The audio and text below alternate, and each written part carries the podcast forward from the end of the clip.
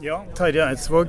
Da sitter vi her på toppen av festivalpalasset i Cannes. eh, Og det er bare få dager igjen av, årets filmfestival. Vi har fulgt hovedprogrammet eh, hovedsakelig, men vi har tatt noen avstikkere i, eh, i sideprogrammene. Det skal vi komme tilbake til.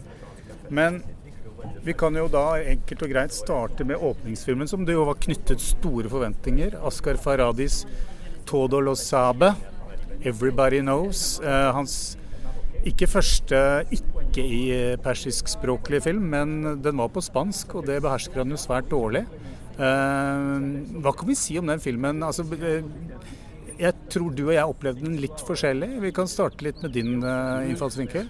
For meg så er det en, en av de bedre åpningsfilmene i, i Cannes, samtidig som det er en av de uh, minst gode filmene til Faradi. Eh, men jeg, for meg så har den vokst etter jeg har sett den, og jeg syns han, eh, han, fortsetter jo det han har gjort eh, tidligere, nemlig å lage eh, litt sånn retrospektive familiedrama.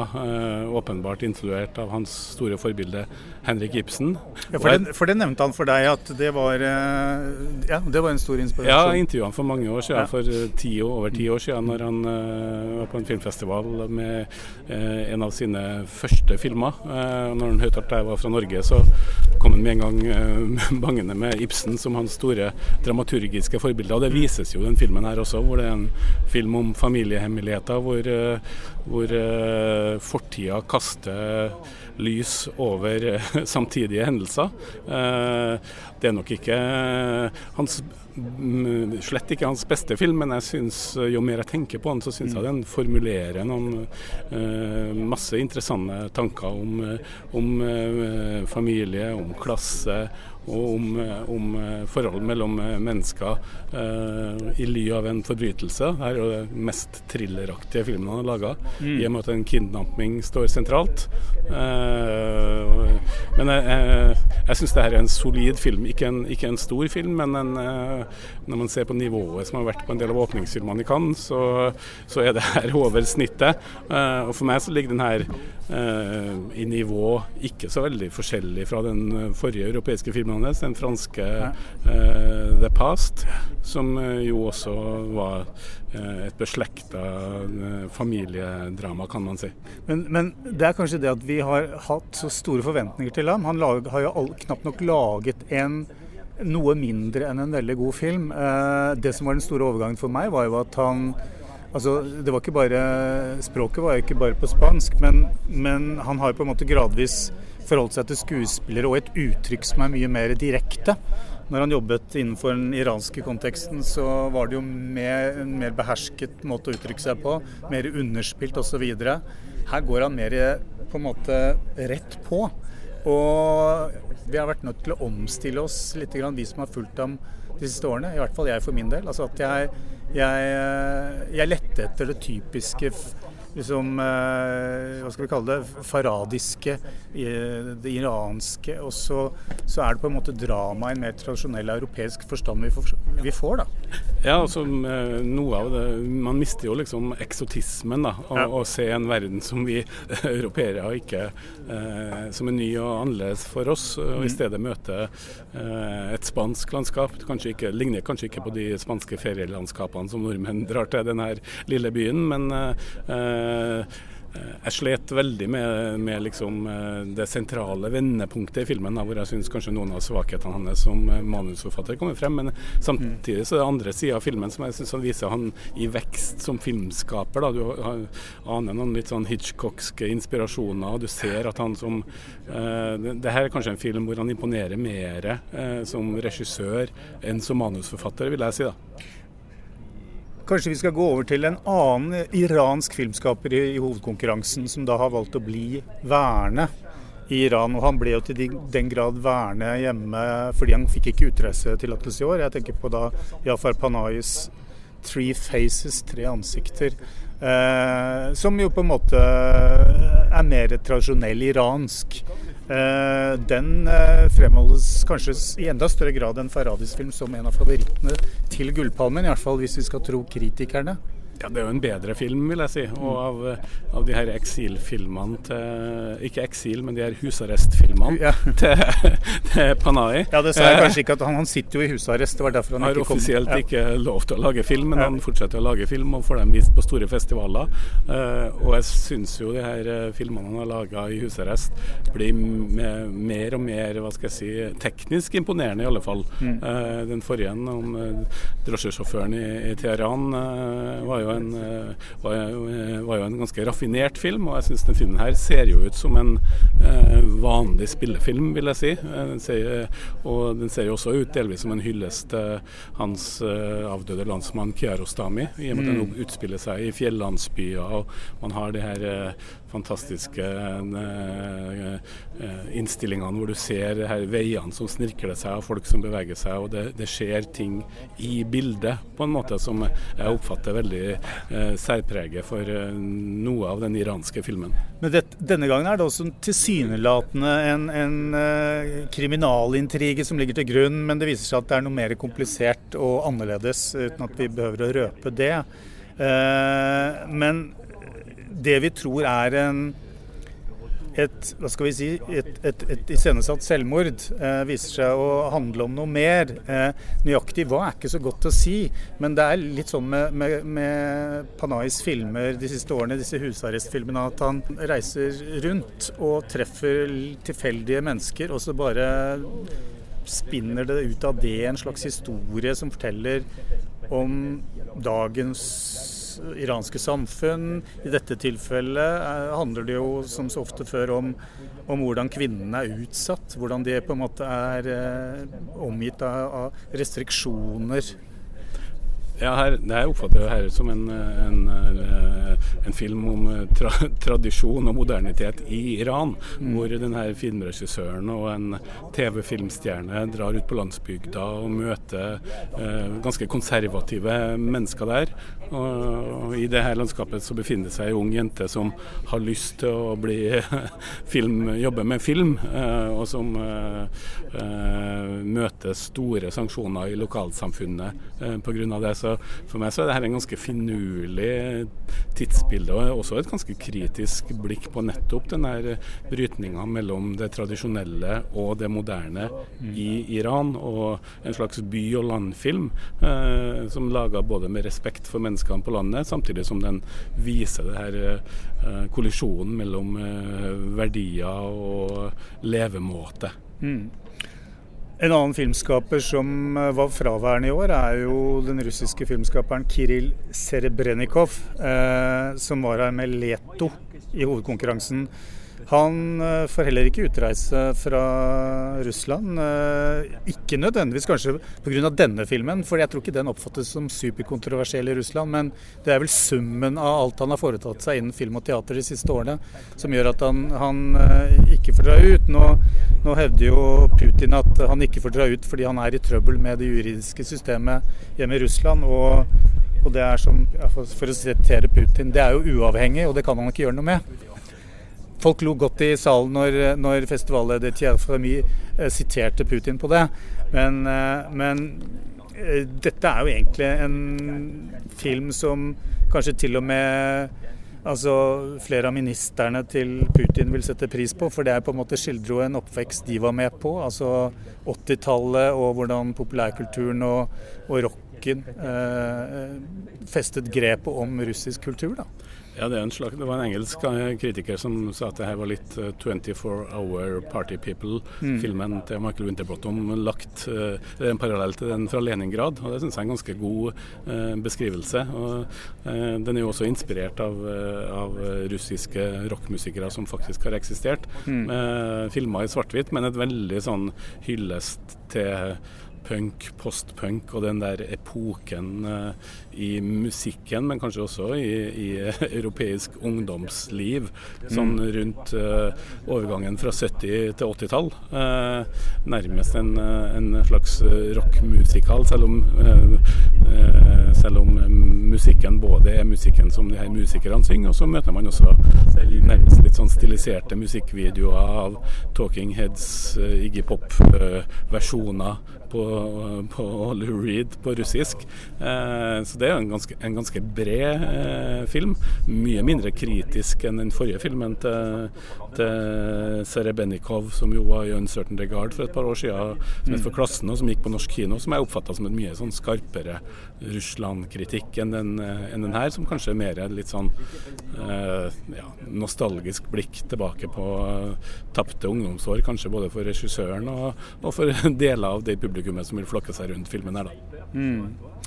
Eh, apropos tapte ungdomsår. altså Vi har en annen fransk film i hovedkonkurransen, 'Sorry Angel' på engelsk, av Christophe Honoré, som utspiller seg eh, litt senere, ti år senere, på begynnelsen av 90-tallet, når, når, mange liv gikk tapt eh, av aids eh, i, i, både i Paris og andre storbyer, særlig i Vesten. Eh, den filmen tar tak i den, ja, den samme perioden som en annen kinoaktuell film som går nå på norske kinoer. Altså den som heter uh, 120 slag i minuttet. Slag i minuttet. Men, men, dette er en mye mer det er, noe, det er jo et mindre tradisjonelt drama. Litt mer Har en, kanskje en, en mer særpreget uh, signatur gjennom uh, Christophe Honorés regi. Du likte den? Ja, ja og nei. Ja. For det første så er det en fransk film eh, så fransk at du nesten jeg får nesten få litt sånn fnatt. Det er liksom kunstnerdrama fra øvre middelklasse med, med forfatter i 40-åra med over 20 år yngre elsker. Forfatteren mm. har aids. Eh, litt, ligger an til litt både selvmedlidenhet og ja. film om kunsten, livet og døden. Men så er det veldig bra gjort og spilt. Eh, eh, så den fremstår som en slags eh, companion piece til eh, fjorårets Cannes-film, som jo er kinoaktuell. 120 slag i minuttet. Men her mm. har man liksom flytta det inn i kultureliten, dvs. Si, uh, den eldste uh, tilhører derfra, og så er den yngste en, en uh, litteraturstudent fra Nord-Frankrike. Men for meg så er det kanskje mest skuespillerprestasjonene som, som gjør at det er motstridende med å innrømme at dette er en god film. Ja. Ingen holder den frem som noen eh, åpenbar kandidat til å vinne Gullpalmen. Den som tidlig fikk et favorittstempel, var jo Pavel Pavlikovskij med 'Cold War'. Altså hans eh, ja, Kanskje ikke oppfølger, men altså, han fortsetter som i Ida, Oscar-vinneren, med å utforske den kalde krigen i Polen i etterkrigstiden.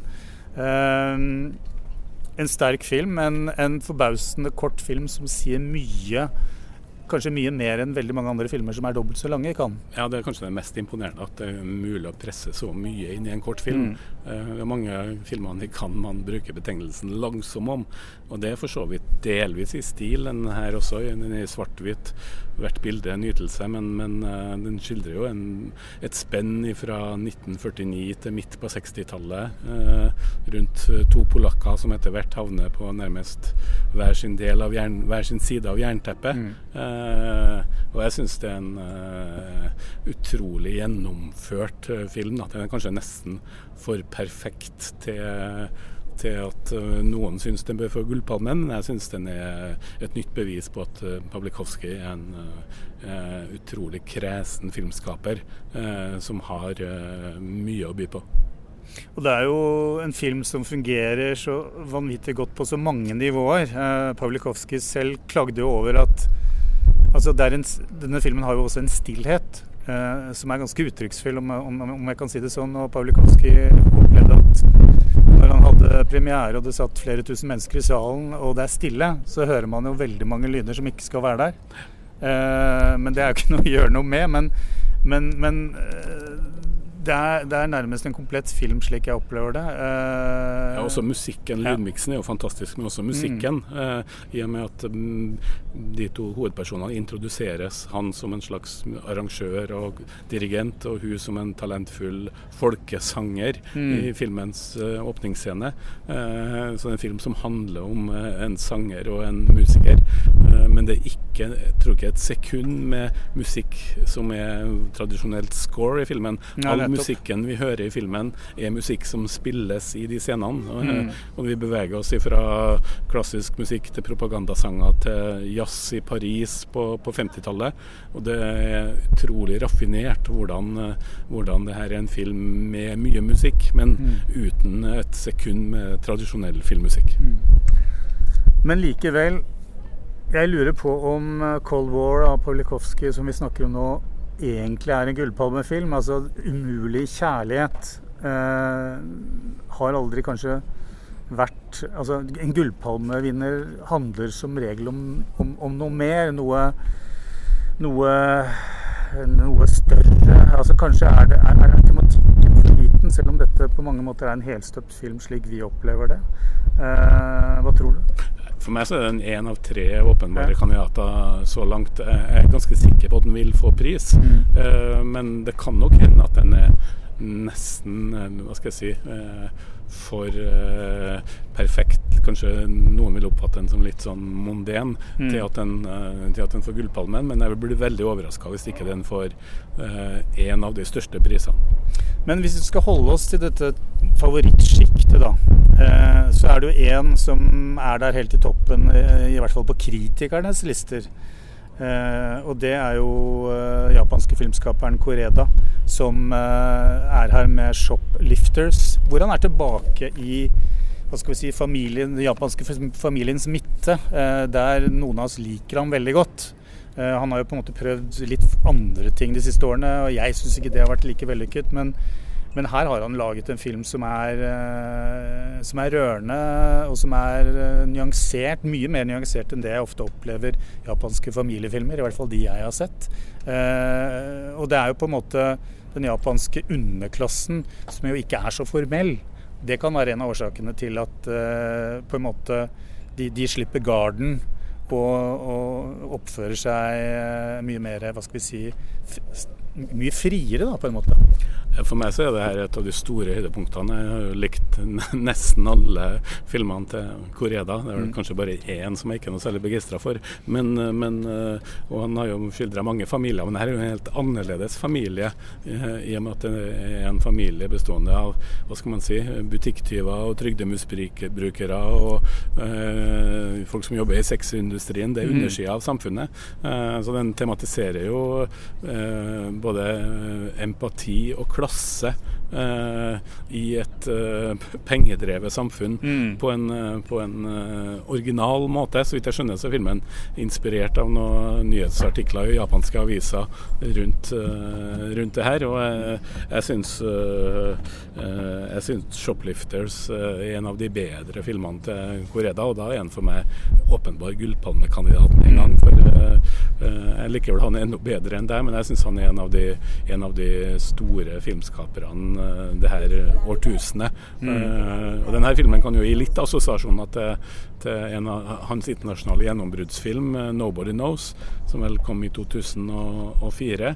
Og man, man aner noe av det samme perspektivet her på samfunnets hva skal jeg si evne til å, til å støte mennesker ut, mm. og at den kaster opp noen tematikk her rundt hva som er godt og hva som er riktig, mm. som, eh, som, jeg tror vil overrumple mange. Ja. En annen uh, favoritt hos mange kritikere er jo godeste Alice Rohrewacher, som er her med 'Happy As Lazaro'. Som jo er uh, en av de mer originale filmene i hovedkonkurransen. Altså vi har snakket litt om det. Den fikk, fikk Den minnet meg om eh, gamle 60-70-tallsregissører som Pasolini. Altså det, er, det er magisk realisme, det er eh, fabel, eh, det er familiedrama, samtidig som det på en måte ikke brukes noen effekter i det hele tatt. Altså, det er ganske sømløst gjort, men Nei, det, Jeg vil også trekke frem uh, Olmi, som jo døde nylig. En av de legendariske italienske, mm. kanskje størst på 70-tallet. Uh, og i likhet med Pasolini også var veldig uh, opptatt av å speile samfunnet sitt fra undersida. Mm.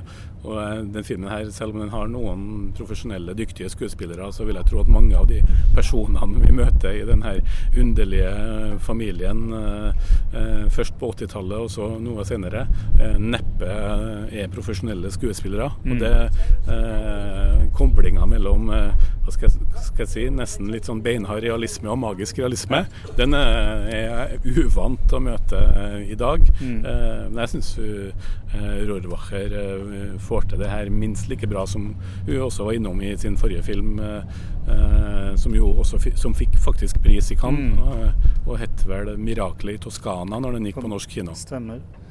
Um, en som kanskje til vår forbauselse ligger helt i teten uh, på manges lister, er jo uh, legenden Jean-Luc Godard, den franske nybølgelegenden som er her med 'Image Book'. Mange sliter litt med den. Den er uh, jo laget med hans typiske enigmatiske stil. Altså eh, en slags kollasj eh, som ikke alltid gir mening sånn umiddelbart. Eh, jeg, jeg, sleit jo med den, men samtidig så, så syns jeg det var øyeblikk der som var givende. Jeg, jeg, jeg kan forholde meg til hans kollasjteknikk eh, vanligvis.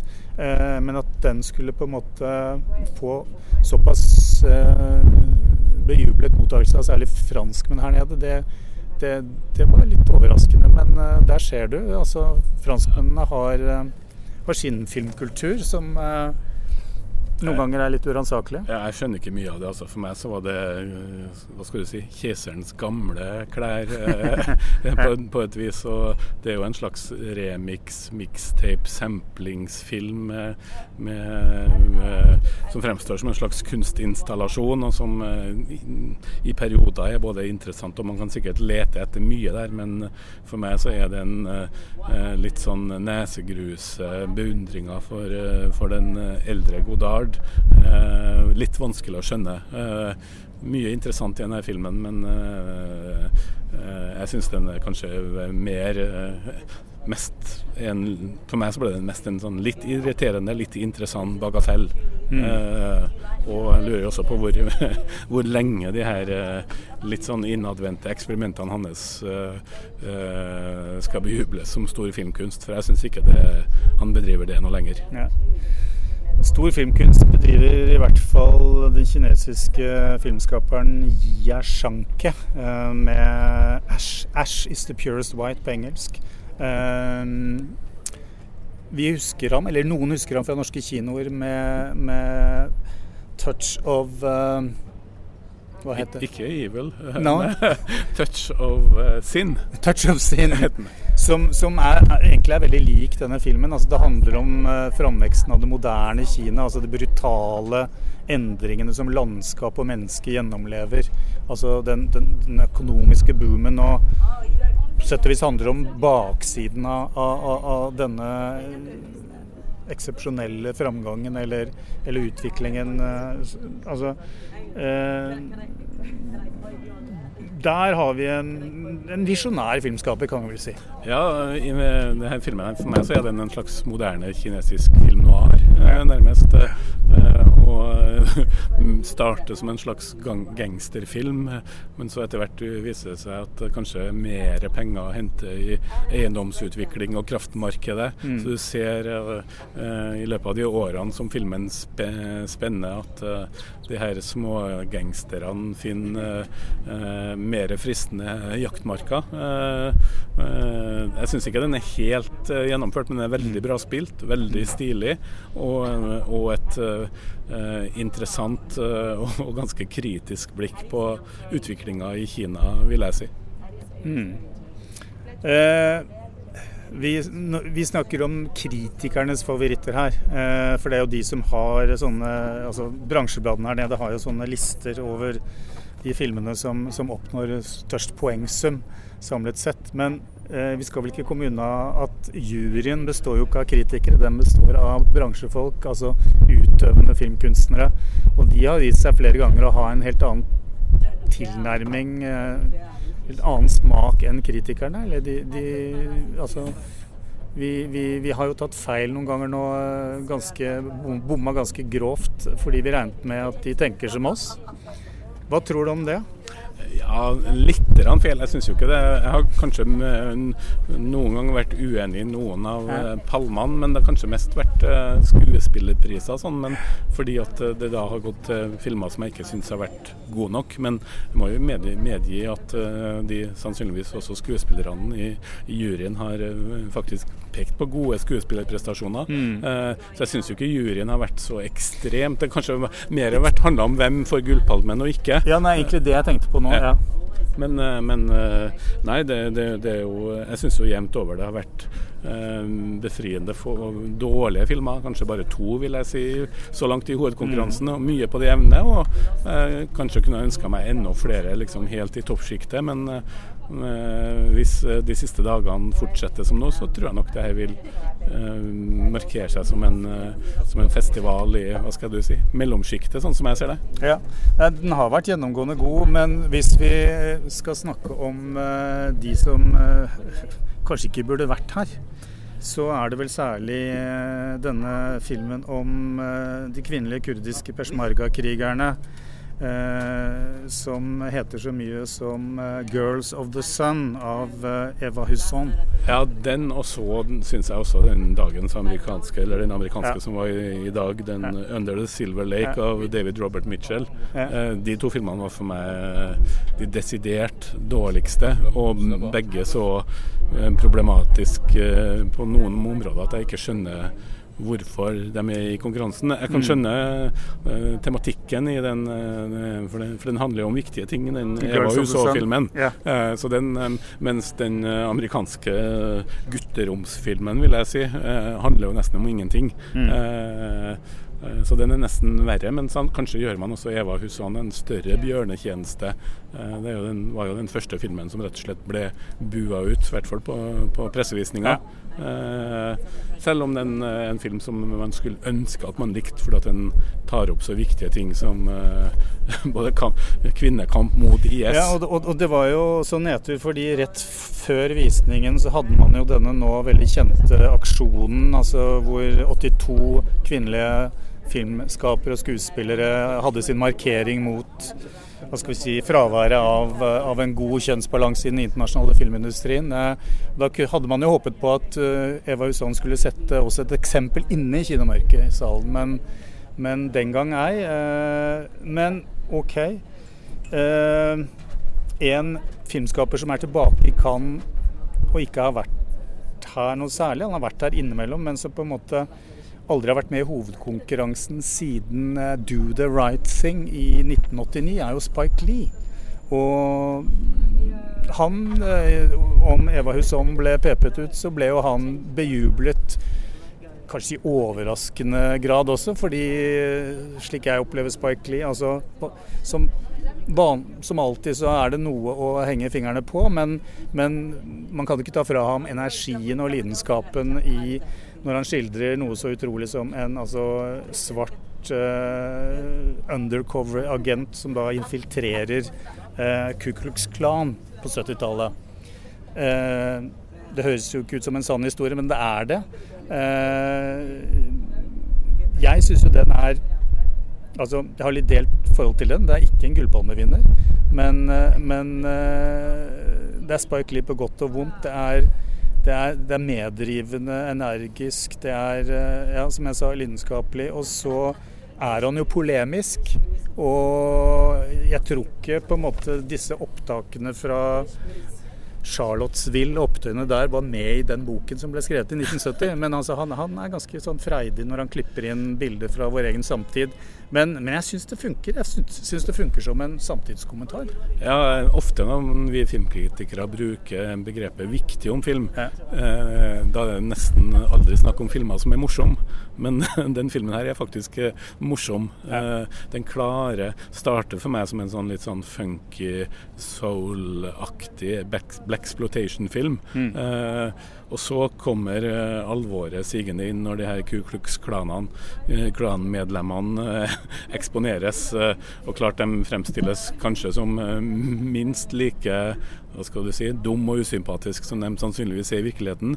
Men det blir jo litt pikant når David Duke, som jo er en profilert såkalt alternativ høyrepolitiker i USA i mm. dag, også spiller en sentral rolle som den nasjonale klanen hva skal man si, kommende lederen eller den stigende stjernen i, i filmen her. Eh, og Så sa jo Spike Lee på pressekonferansen at, uh, at når filmen var ferdiginnspilt, så dukka Charlottesville opp. Mm. Eh, og Derfor så valgte han etter å få tillatelse til mora til, til offeret eh, å vise bilder fra det som en slags epilog.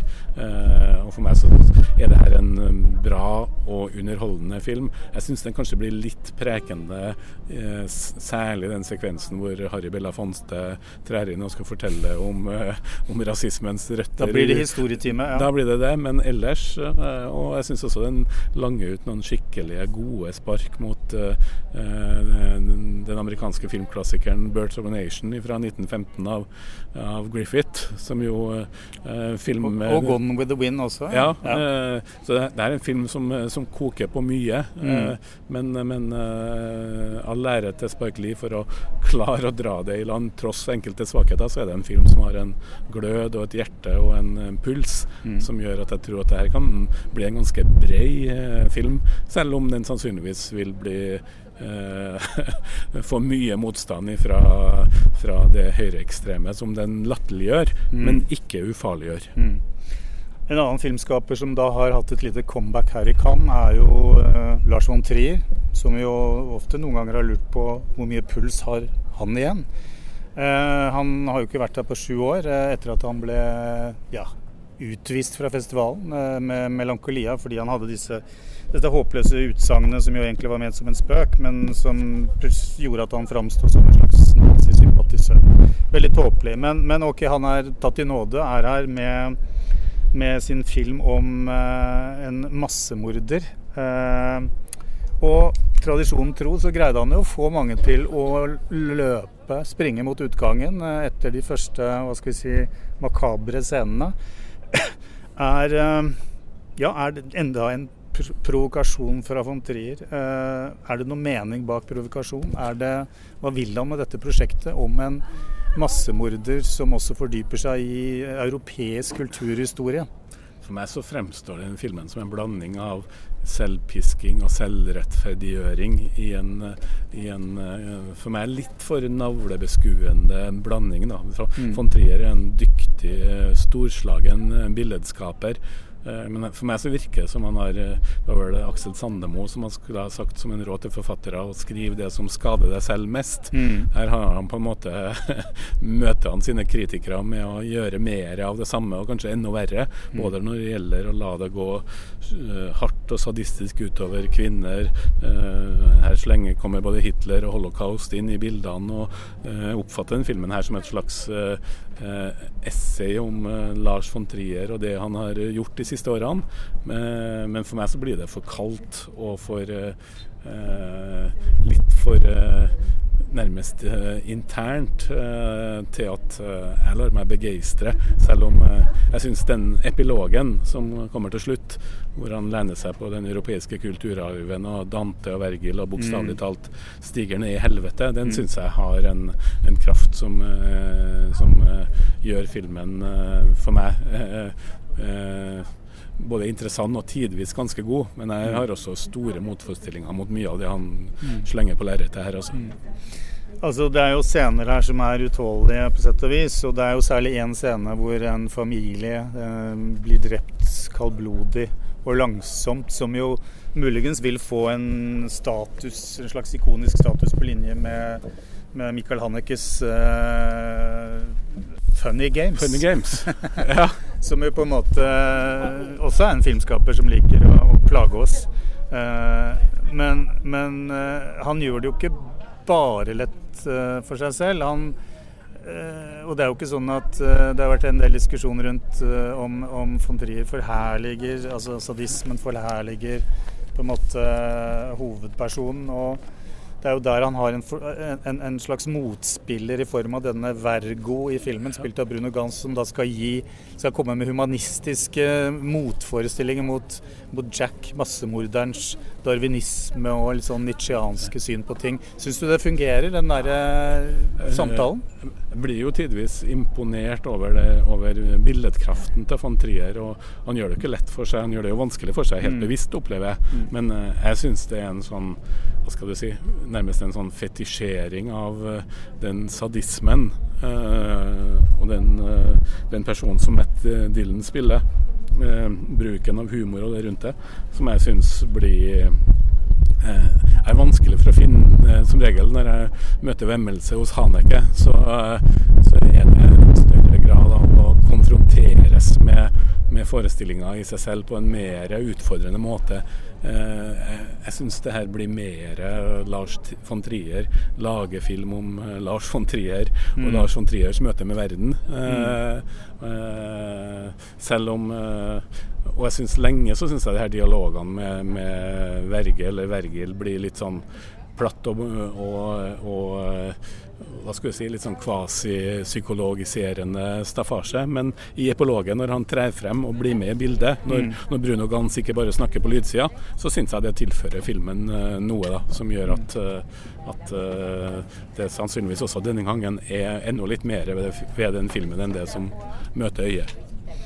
Vi har nå snakket om filmen i hovedkonkurransen. Eh, som vi var inne på innledningsvis, så er det sideseksjoner i Cannes som noen ganger til og med er bedre enn hovedkonkurransen. Og du gikk eh, litt mer enn meg der, eh, men vi så begge en film vi, vi, likte veldig godt som heter 'Girl', som jo er en debutfilm av Lucas Dont eh, med en debutant i hovedrollen, Victor Polster. Som, som jo var, gjorde sterkt inntrykk. Eh, vi kan vel si at det er en noe i nærheten av en sensasjonell debut, eller hvis man leter etter en, en knalldebut i Cannes i år, så er det vel kanskje Den er vel en av, en av de filmene? Ja, absolutt. Og selv både regi og skuespillerprestasjon uh, handler jo om en, uh, om en uh, ung handler om kjønn i bevegelse, kan du mm. si. En, en ung transseksuell gutt som, som føler han har havna i feil kropp. Mm. Og, og er på vei til å bli uh, jente. Uh, og samtidig har han lyst til å bli profesjonell ballettdanser. Uh, han er vel kanskje en 15-16 år mm. gammel. Uh, og i den der sårbare fasen så er den filmen et, et utrolig nærgående portrett av han, men også forholdet mellom han og hans far. og også den skildringa av han i skole og ballett mm. syns jeg også en, gir en, eh, en, en, veldig sterk debutfilm. Fordi Det som gjør den så god, er jo også at den, den handler jo ikke om altså Hovedpersonen blir jo ikke møtt av så mange fordommer. Eh, altså Det handler mer om hvor vanskelig det er å gjennomføre en sånn prosess, og samtidig ha ambisjoner i resten av livet, altså eh, på andre arenaer i livet. Det kan vel kanskje komme en skuespillerpris eller en pris for regien der, muligens, i, i Uncertain Regard-programmet? Ja, eller blant eh, Den er en av flere veldig gode eh, debutfilmer som er på mm. festivalen, så det vil ikke overraske meg om den også kan være en sterk kandidat eh, og mulig vinner til Gullkameraet. Mm, mm. Ellers i sideprogrammene, du fikk med deg noe? Ja, i Uncertain Regard så har jeg jo to favoritter. Ja. I tillegg til, til Girl så syns mm. jeg jo den svenske Grens eh, Som jeg ikke har sett, men som jeg hører mye bra om. av Ali Abbasi er eh, en strålende film eh, som klarer for meg det nesten umulig å koble en nordisk mytologi med en litt sånn eh, pedotriller og med en outsiderperspektiv basert på en novelle av uh, Alvide Lindqvist, som også mm. skrev 'La den rette komme inn'. Og, og, filmen har en del uh, fellestrekk vil jeg si, med la, la, den rette komme inn', selv om det ikke er vampyrer som er saken her. Jeg skal ikke røpe så mye. Nei. Den her kommer på norsk kino, men for meg så er det kanskje den, en av de største oppdagelsene her i kan å, å kombinere det eventyrlige og det alvorlige til en sår, god, tidvis morsom og også spennende film på den måten som Abbasi har gjort der, mm. og med strålende skuespillerprestasjoner. Eh, det handler om, noen, om en kvinnelig toller med en ekstrem luktesans. Mm. Så hun kan lukte på de som går forbi. Eh, hun kan ikke bare lukte hvor mange liter sprit de har, men hun kan også lukte følelser. Og det her startet et, drama som, som jeg gleder meg til å se om igjen, og som mm. heldigvis allerede er sikra norsk kinodistribusjon. Grens av Ali Abbasi, en svensk-iransk filmskaper. For meg et av de store gjennombruddene i Cannes i år. Mm. Han hadde jo en film på norske kinoer for ikke så lang tid tilbake.